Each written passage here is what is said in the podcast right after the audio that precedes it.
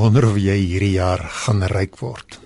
Ons het almal laas jaar die wens gekry van 'n voorspoedige nuwe jaar. Beteken voorspoed ryk word. Weet jy, ek praat hierdie week spesifiek oor gelukkig wees. En vandag spesifiek oor die vraag: as jy dalk nou meer geld het vir jaar, gaan jy meer gelukkig wees? Watter verskil maak geld aan 'n gelukkige jaar? En hoeveel vreugde bring geldelike voorspoed? Dis 'n baie algemene idee dat geld jou gelukkig maak.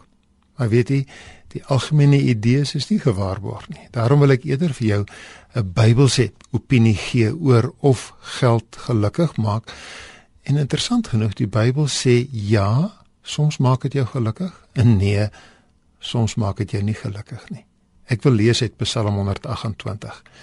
Dit gaan goed met elkeen wat die Here dien en sy wil doen.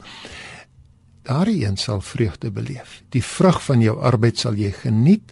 Gelukkig en voorspoedig sal jy wees. Jou vrou is in jou huis soos 'n vrugbare wingerdstok. Jou seuns is rondom jou tafel soos jong olyfboompies. Die eerste antwoord van die Bybel oor geld is ja, geld is deel van God se geskenke. Maar hy gee 'n hele pak en ek moet elke deeltjie van daai pakket geniet. En hy gee nie noodwendig rykdom nie, hy beloof net die vrug van jou arbeid. Dit wil sê hy sal vir jou basiese behoeftes sorg. En navorsing sê dieselfde as die Bybel hierso. Geld maak jou gelukkig as dit net die basiese nood wegvat.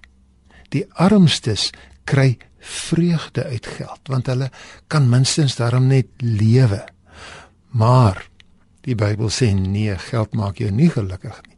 Want as jy reeds versorg is, gaan 10 miljoen rand jou nie meer gelukkig maak nie. Koop maak jou nie gelukkig as jy reeds iets het nie. 'n Duur kar en klere in 'n huis gaan nie hierdie jaar spesiaal maak nie. Nou, net 3 maande as jy gewoond aan 10 miljoen en maak dit jou nie meer gelukkig nie. As jy dus geluk soek in geld hierdie jaar, mors jy jou tyd. En daarom wil ek vir jou eerder die hele pakket van hom Psalm 128 aanbied.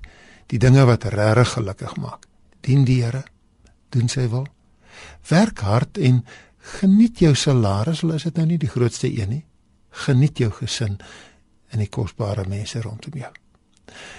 Mag die Here vir jou sorg vir die noodsaaklike. En mag jy die Here met tevredenheid dien, dan sal jy gelukkig wees. Dis nie ek wat so sê nie, dis die Bybel.